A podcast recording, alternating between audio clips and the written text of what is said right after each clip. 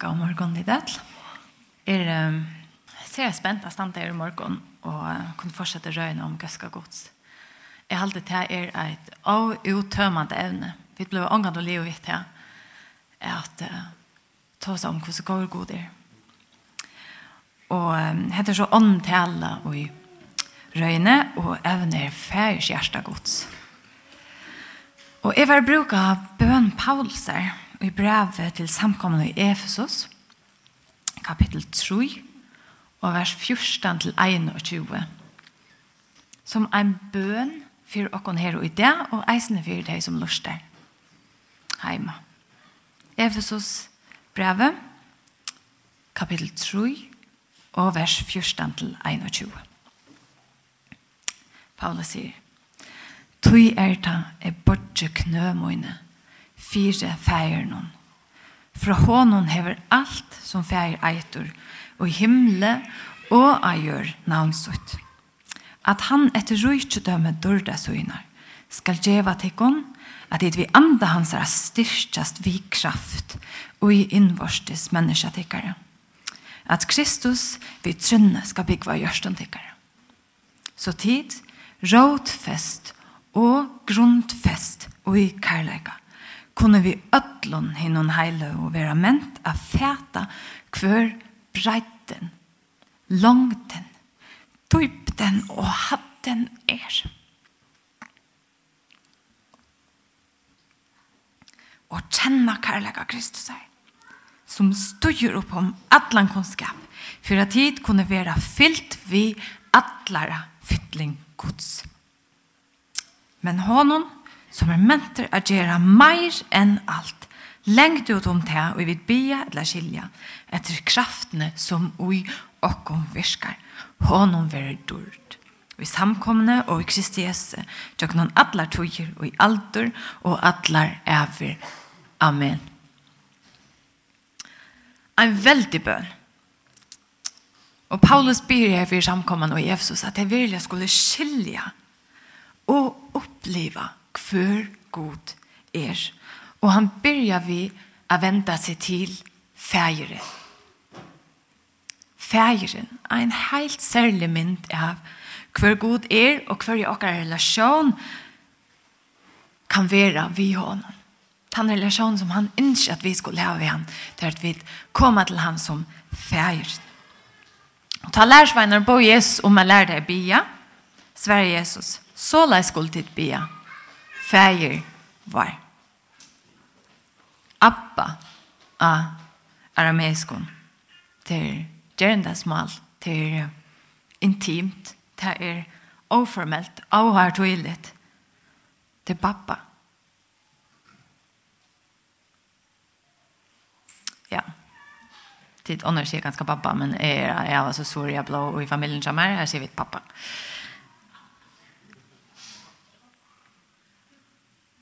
Romarbrevet 8, 15-16. Tid finge jo ikkje trældoms anta, så tid attur skal øttast. Nei, tid finge anta sånar attarins, og i hånden råpa vid, Abba, feir. Anten sjolv er vittne vi anta okkara, at vi er jo bød gods. Og settene går inn brev, kapitel 6 vers 18. Og jeg skal være til om feir, Tid skulle være mer siner og døter, sier Herren hin alvald. Fyrste Johannes er brev 3 i eit. Sudje kvosse stauran kærleika færen hever vurstokken, at vi skulle kallast bøtten gods. Og vi er det. Og eisen det gamle testamentet åpenberer god seg som fæger. I salme 8, 6, sender Fægir, fægir leisra, og verja antjana er god, og i heila er bostadsunnen. Så Paulus byrjar enda bønen vi at venda seg til fægiren. Tui er det er bortje knømoine fyrir fægiren. Fra honom hever alt som fægir eitur, og himle og a gjør navnsut. Og så fortsetter Paulus vi har forklare okkon at han, god, er han ultimative fægiren Allt annat som äter färger, om det är i himlen eller om det är gör eller kvar det nu är, det finns ett namn ut härifrån. Og jeg vet at langt her så renner jeg meg jag sinter inn i tropläkare, for jeg skulle ta som ferie hjerte gods. Så vi vet her var öll rønter ved fedron, som ikke er god färg, men som bare har namn ut herfra. Som bäst er spelsmynter, jag vet någon eviga älskande färgen. Det kan være foreldre dere, lære, det kan være en lærere, det kan være et eldre syskjen, ommer, abbar, ånder tøtninger mykler, personer i dere løyve. Og som er hese fetrene er pura for kvakklare mynter. Og det gjør dere en fullkomlig og forstyrre og øyeleggjende mynd av god feir. Og som er gode mynter.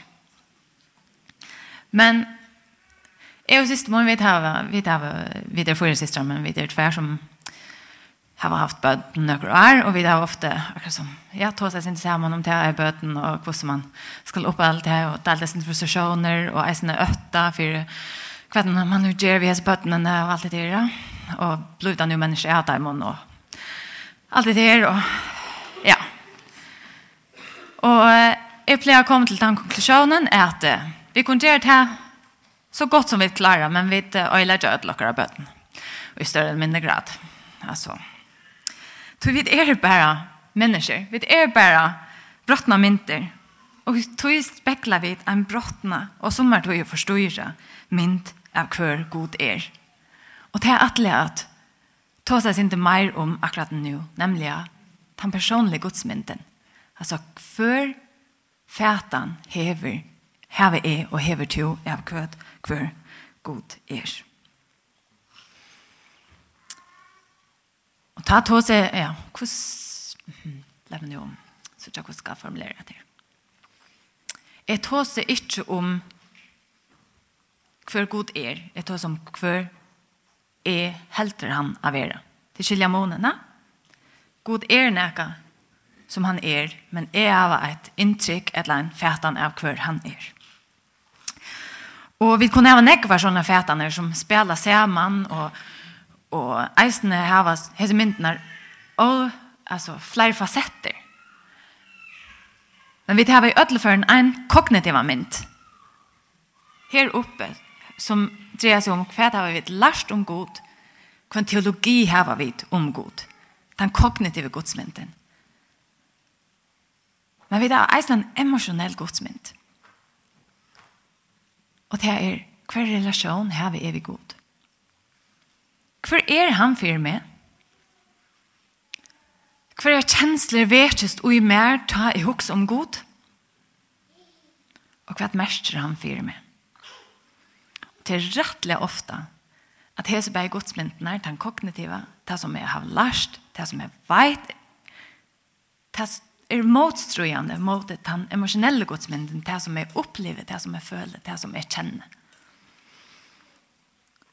Og kanskje er, hever onker alt tog løy sagt er god, han er ikke til. Og har han vært til, så har han vært en forferdelig regn, han har vært en tyranner.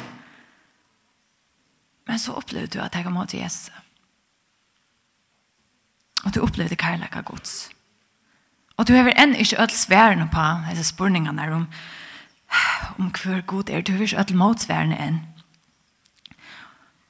Det som du har lært om god alt livet. Men du kan ikke nok derfor den kærleikken som du opplevde da du tog imot Jesus. Det er en negativ, en kognitiv mynd og en positiv, emosjonell mynd. Hinvein, kanskje har du alt å finne å vite at god er god at han er hin elskande færen klettren, som ikkje vikas tutt skjål, tutt skjølter. Du veist at det er sagt. Du les det i Bibelen.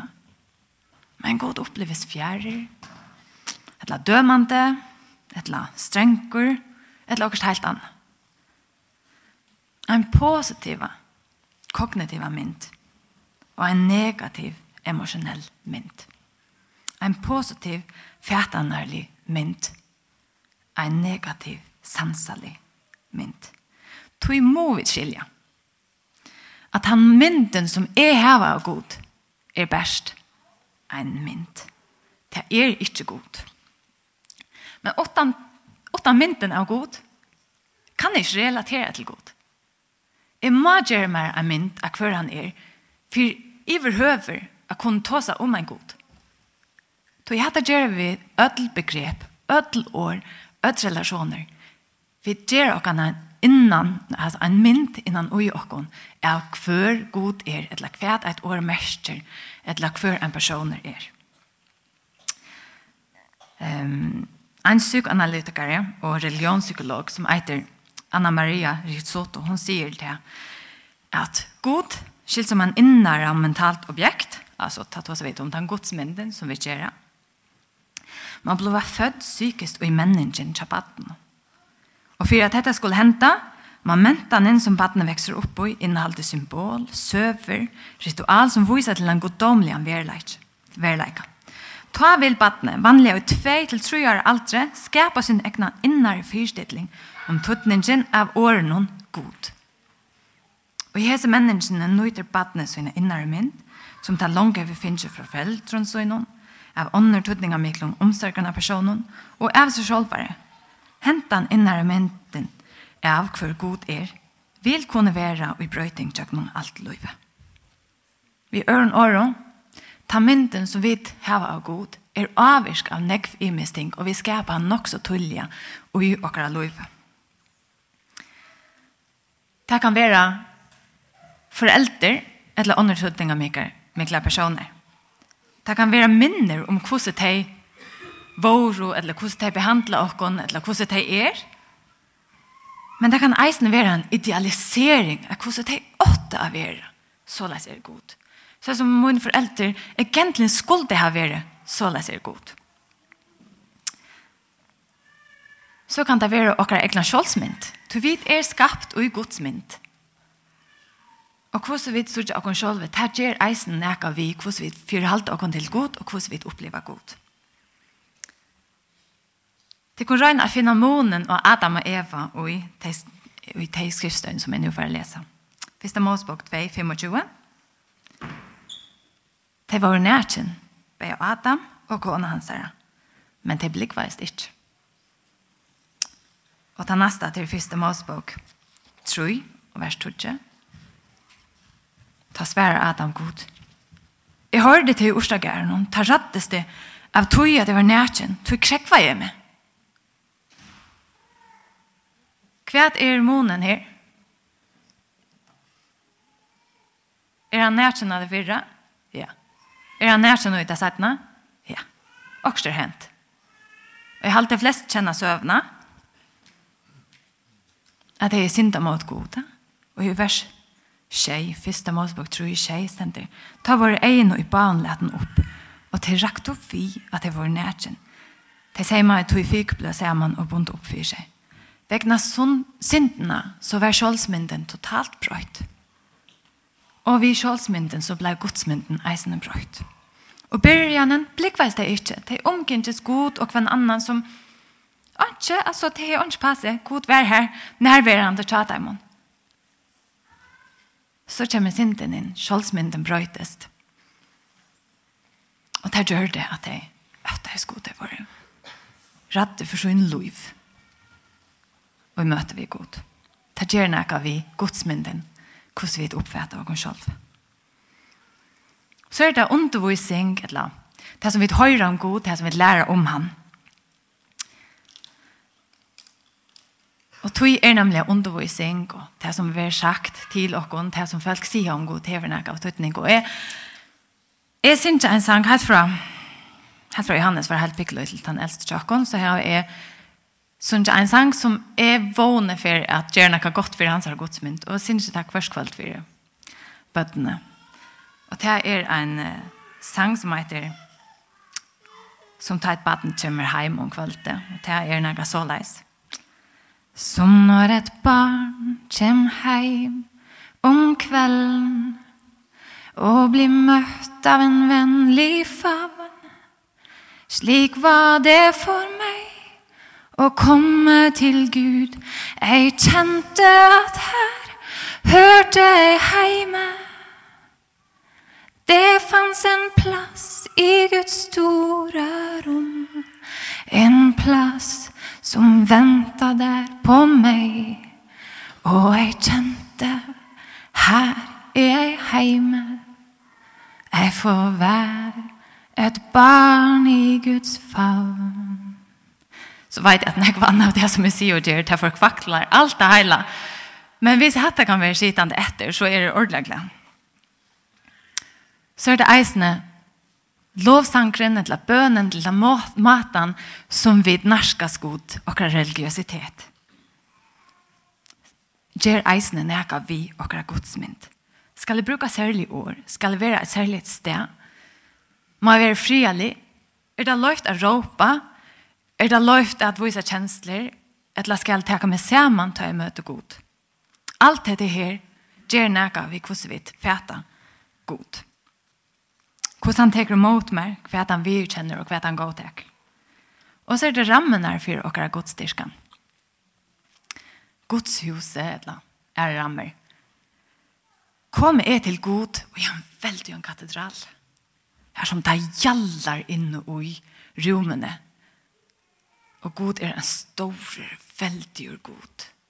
Som dor alt, som kan alt, som megnar alt, som er allmåttgjord. Det gjør noe vi må godsmynd. At la er da i fevningen som mamma, da hun synger for meg at jeg møter god. Ta det at han nære, at det personlig, at det intima. At hese møtene vi tar vi god former eisene, akkurat godsmynd. Og det gjør en samansett mynd av hver god er og i okkara innar. Men det gode er, det er god er tann han er god er tann han er. Til hans er åpenbering om seg selv for Moses. Og i tann brennande runden sier, «E er tann e er. Han brøytest ångan tog. «E er tann e er. Okkara mynder av god kunne brøytast. Men god brøytast ångan tog. Så hva er hese forstøyre i godsmynter som vi kunne hava? Jeg har brukt, jeg har lyst en, en professor i religionspsykologi og pastoralpsykologi som er utformet fyra sånne høvesmynter som man sier, nek folk kunne kjenne seg atro i. For jeg har faktisk brukt det som døme på det forstyrra i godsmyntene. Frilingsdorf, eitir han. Og han tar første mynten som han brukar, er han refsande domaren. Han herrer, når jeg leser domare, straffar først mistak, Og han er så mye som hytter etter motiv eller fragreng. Han tåler ikke å bli motsagt. Du kan ikke si han imot. Han er nøyeleser, viser ikke forståelse, samkjensle eller omsorgen. Han vil kjenner ikke røynten, ta at du røyner er det det gode. Og mennesker vi hans lykker godsmenn vil være ofte fengt, til å bli bunten, verst av endest, åtryggleika, En annen utgave av hentet mynden er den strenge feiren som totalt dominerer syndbød. Guds, Guds forholde, forholde vil mest av øtta, manglande alit, skulderkjensla, og vil røyna gjøre god nøgden, straffa mennesker skjult. Og kjenslene måttløse, umøte vi henta han her, nøyeløse, strenga goden, gjør at han vreien som han hever mot han, ta vente inn etter mot meg sjølvan til han ser skærlig av godsmynd. Og så er det deskodren. En brutal utgave av hese her og i lærkjande godsmyndene. God være en personifisering av dejanon og av deskreften. Det er en godsmynd som ofte engasjerer man ved at man helt fra tullige er helt fra tullige og løyvnån har opplevd at man er avengst, at man er avvist, ganske helt fra morløyvet Enda en kjensler setter spår og i minne og det er myndene av en god som ikke innskjer seg. En nøyleser god som faktisk satt som en høttan mot løyvnån. Så er det bokhalderen. Alt nekva åkken kjenner bokhalderen. Det er god som er vakta med over en reglene og moral. En som alt og vil ikke vi. For alt vi. Han ser alt, han hører alt. Han heldur råkneskap vi ödlun som vi ger, tankar og gerir. Og fyrir mennesker vi har en tullikar godsmynd, så vil tanken om gods eia som fylgjer vi ödlun. Det vi ikke til trøst og ogan. Om at god er nær, men det oppleves som en høttan. Jeg synes det er klaustrofobisk. At god alltid ser med. Og råden til han tullikan godsmynd kan være at man, blir, at man er blevet høtt vid god for å skikke seg pent. Hoksa ikke gjør at tankar god sars faktisk hva du, hva du hoksar. Og god damer ikke og skikkelig bøten. God vil bruke som en mil for å kontrollere hvordan man hoksar og hvordan man handlar. Man tull kan Guds min kan kjøtla i til øtta. Til engis, kjensla av skuld, kjensla av ångan til å være no-go eller no-fit. No Og så er det prestasjonsgodsen. Jeg halte han i reisene. Han vil kjenne til. En god som bær, bærlegger den og at det som du gjørst. En god som piskar til til å gjøre meira, til å gjøre bedre, til å gjøre enn meira, enn bedre, og omgang til nok. Og den gode gjøren blir faktisk en fortjente for du et gods liv. Om tog kan gods min kommer ofte av at sjoldkjenslan er skatt, et eller manglar. Mennesker kjenner seg ikke god til sin fyrt her som han er men bär jag noen det som hon gjør. Og bøten som får uppmärksamma bär vi det som det gjør. Ongan tog i för dig. Eh, gaver eller kvaliteter som det har som menneske. For hver det er, det får nevnt en tydelig en godsmynd. God vil en som bär lønner gåen etbor. Så kærlegan oppleves som treita. Og hese fyra godsmyndene kunne eisne vært hengt et skom. Skom. Skam vegna kjenslen av ikke å være god til kjenn, ikke være yngst og ikke være vild. Skom om å gjøre mistøk, om omgang til å være no go, no fit. Skom som kommer av at ikke blir verd vi kærleika omsorgan. Skom som kommer av for trangton opplevingen som ligger og lever under i flatene. Skom er reala komplekst, samansett. Og det skal ikke forveksles, forveksles vid skuld. Skuld og skam henger ofte sammen, men til er ikke det samme. Skuld det er rasjonelt, det er objektivt. Skuld er nærkere man hever kjørst, og man er skuldig. Skam, det er personligt. Det er relasjonelt. Skam stjeler kjenslene av at jeg var virre som menneske, og vi får kroppslige reaksjoner, vi får rødna, vi tidja niger, vi stottra, vi dors orla prata. Og alle mennesker har røynt skom. Vi kjenner til det. Og som har røynt det er til å leve vi, altså til. Det var orla flådsligt, skamfullt og så, så er det i stedet. Men er opplevengar skulle vi gjøres i årevis. Og særlig at hans skommen er påført av on, av øren. Gjerer og kjemming som rener til fra å være fruja i mun, og immun til, til det selv. Og immun til andre mennesker og immun til samfunnet. Og tannskommen drever menneskene i. Drever en mynd av en dømende, kontrollerende god. Og mennesker kan ikke utføre en hans lykker, godsmynd finne kjeldene til en sunnan og gåan stoltleika. Mennesker skammer seg. Jeg er ikke. Jeg er ikke verden, jeg er ikke verden hans herre oppmerksomme, hans er orsk og hans er nærvær. Og en antallig gjering av såhårt, det har blitt til en falskan og skjende emjukleik. Og et menneske som opplever skam, det er mer enn nære anna bruk for å oppleve å bli måttikken. Å slippe at høyre til. Jeg vet ikke om de kjenner det atter i behøver i hese godsmennene. Jeg vet for meg selv hver jeg er og jeg er som hva mindre spørt.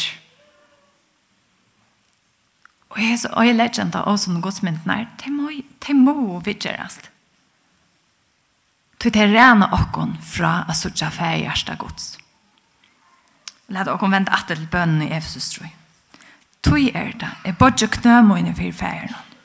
Fra honom hever alt som fægir eitur og himle og a gjør navnsut. Og at han etter rujtjødømme durda suinar skal djeva tikkun at hit vi anda hansra styrstast vi kraft og innvarsdes menneska tikkara. At Kristus vi trunne skal byggva og gjørstun tikkara. God er han, han er. Og vi har det er øyeleggjande godsmyndene, så må vi for det første vi kjenne at det er så. Og for det neste, byta deg om vi sunnar og gjerligar godsmynd. Og Jesus, Jesus, han er godsmynd av hver god er. Han kom for å vise oss hver god er. Og i Johannes evangelium, kapitel 14, og vers 16-19, stendte Jesus sværa i hånden. Jeg er veveren, sannleikjen og løyve. Ongen kommer til feiren utan vi mer. Hadde de kjent meg, så kjente de feiren moen vi, og fra hese stund kjenner de han og jeg var se han. Filip, han lærer svein, sier vi han. Her er vois okon feiren, og det er økonomisk. Jesus sier han, så lenge du har vi vært tjatt ikon, og du kjenner meg ikke, Filip. Tann og hever se meg. Hever se feiren. Hvordan kan du ta seg vois okon feiren? Jesus viser okkon hver god er. Og han viser Guds treita leisa kærleika. Guds alt uppoffrande kærleika. Ta han døy av krossen fyrir okkon. Tok okkara synd og skom av seg og reis oppater. ein mynd som vi kunne byta hese her, og jeg lærte han det godsmyndene ut til er den karlagsfotle og nøyefotle god.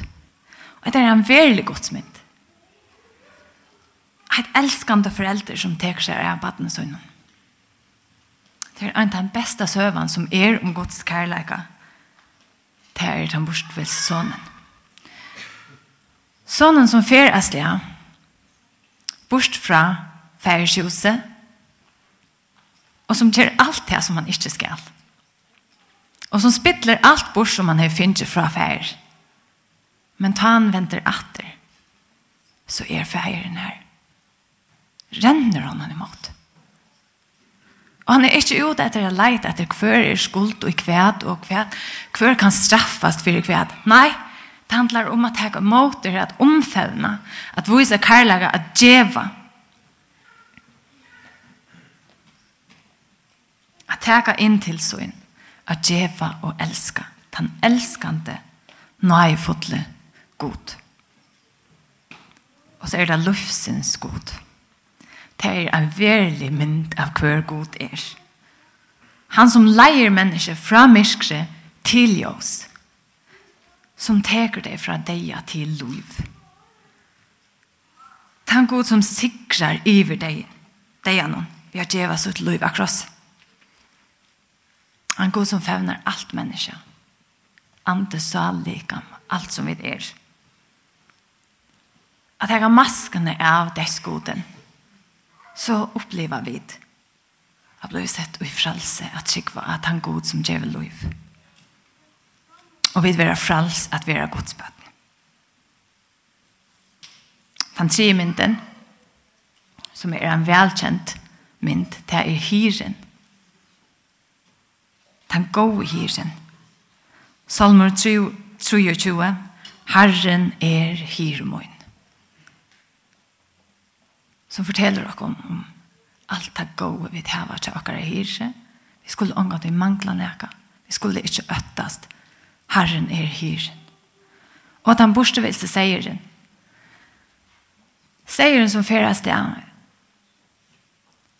Som fer borste fra flotjen, som fer borste fra hyren. Som som er vergeleiser og, og god for etter honom. Han leter henne være etter. Ikke tror han ikke elsker deg, men han tog han må finne han som er blevet borster. Og han gjør ikke opp inntil han er funnet, og han legger han og her han har, ber han hjem. og så er det varslet. Tog han har funnet han som var borstermist. Bokhaltaren, han hever eia vi mennesker fyrir at fenga deg og at gjøre feiler. Men hyren, han heldur eia vi okkon att at seieren skal leva det godt, För at vi skal leva det godt. For att vita hva at okkon tørvar. Han ser bort fra at misstök. er mistøk. For okkar avvitenhet, han leit er til han finner okkon. Fyrir at atter tek okkon inn i flottjen, fyrir at djeva okkon hita, Mät vatten. Det er hyren. Røyn er at jeg har maskene av bokhalteren, og så er det hyren som ser til. Og så er det at han god som gjør vøkster. Det handler ikke om hva mennesker kan prestere. God er han som gjør vøkster. Prestasjonsgodtren, han kontrollerer, pressar, vil ha bedre urslit, alla tøyna. Men tan god som gjeve vøkst. Han sier, til møyner henter. Til er alt vi møyner henter. Marskos 4, vers 26 og 26, stender. Så sier han, Vi rujtje gods er så, som tar jo med over kasta svai og hjørna, og svever og fer opp, nått og det. Og svai næler og vekser opp. Han veit ikke sjolver hvordan God er den som gjør vøkst. Og Johannes 15, 4-5. Vere ui mer, så vere er vi tikkum. Ein så greinen kan ikkje bæra avvøkst av seg sjálvbare, men best ta hon vera verand og i vunntjænon. Så kunne tid ta heldur ikkje, utan tid vera verand og i mer. Er er vunntjæje, tid er og greinanar. Den som vera og i mer, og som er vera og i, ber nekvan avvøkst. Du skilte fra meg, kunne ditt ikke gjøre. Relasjonen vi feirer er det tøtninger mest. Relasjonen er det tøtninger mest. Avvøkstren er treit av av relasjonen. Relasjonen er ikke treit av prestasjonen. Prestasjonsgoden vil ha det jeg husker at prestere er kanskje for god elsker meg. Tan god som djeve vöxte sier, let meg älska te og sorts kvost du blomar. Efesar breva, troi, forstand til 21 atter. Tui er ta er bortje knø mun fyrir fær. Fra honom hever alt som fær eitur, og himle og a gjørnavn sutt, at han et rujtje dømme dørda surna skal djeva tekon, at dit vi anda hansra styrstjas vi kraft og innvørstes menneska tikkara at Kristus vi trunne skal byggve og gjørst om tikkare. Så tid, rådfest og grundfest og i kærleika kunne vi ødlån hinne heile og være ment at fæta hver bredden, langten, dypten og hadden er og kjenne kærleika Kristus er som styr oppom atlan kunnskap. For tid kunne være fyllt vi atlare fytling gods. Og hese fyrir godsmyndene som vi nå har peiket av, de viser feirins treita leisa, treita leisa kærleika fyrir okkon. Og jeg ber vi Paulus om at vi ikke bare skulle skilja hver god er, hver hans kærleika er til okkon, men at vi skulle oppleva det. At vi skulle kjenne kærleika Kristus som styr uppom allan kunskap för att vi kunde vara fyllt vid allar fyllning gods. Och för att uppleva färgärsta gods så må vi tåra att kasta där gamla förstyra av och vanskapt och godsmyndnar vi har av honom. Vi må se är nog det att tryckva er som långt. Jag vill inte hålla fast och göra det här. Vi må tåra at taka maskene av. Og stille okkon.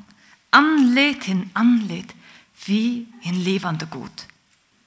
Tjøknon åre, tjøknon bønnen, tjøknon tilbyen og lovsang, og tjøknon fellesskapen vi Guds.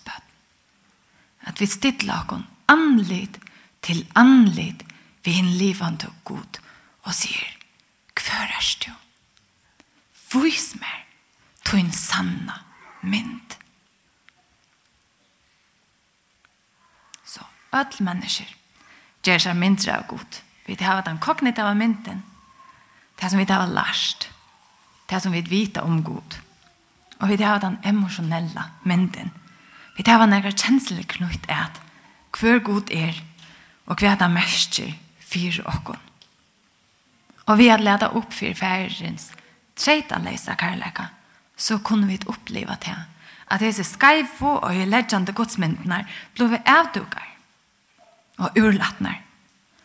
Og god er mentor at gjøre det. Han som er mentor at gjøre mer enn alt. Lengt ut om det, og vi bia la skilja etter kraftene som i åkken er virken. Virken. Hetta tekur sjálvan ikki burstur kompleksiteten og i gut god er. Det er som gjør det problematisk at sutja god som gåan. Vi må asanna god nek større enn vi kunne skilja. Nek meira enn vi kunne fæta. Han er, det han er og det han gjør, er meira enn vi kunne fæta. Og vi vet at nu sutja vi og er et spekl, og klart, Men ta skulle vi sørge anledd til anledd. Nu kjenner jeg i bråten, sier Paulus. 1. Korintherbrev 13-12. Men ta skal jeg kjenne til fullnær. En som selv for er til fullnær, kjent. Men selv om det nekv vi ikke kunne få tenke sammen og få på plass, så kommer vi lære at lytte av hans affærs hjerte. Fyre åkken oppleva hans här tjejta läsa karlaka. Och han säger kvart lov bjöar akon av gåhon och rinkon. Tui er da er bodje knømoine for færen. Fra hånden hever alt som færen eitur. Og himle og av gjør navnsut. At han etter rujtsrømmen dørdar søgnar skal djeva tikkun. At dit vi anda hans ræ styrstas vi kraft og innvorstis menneska tikkara. At Kristus vi trunne skal byggva og gjørst om tekkare. Så til rådfest og grundfest og kærleika kunne vi øtlån hin heile og være ment av feta hver bredden, langten, dybden og hadden er. Så til rådfest og grundfest og kærleika kunne vi øtlån hin heile og være ment av feta hver bredden, langten, dybden og hadden er.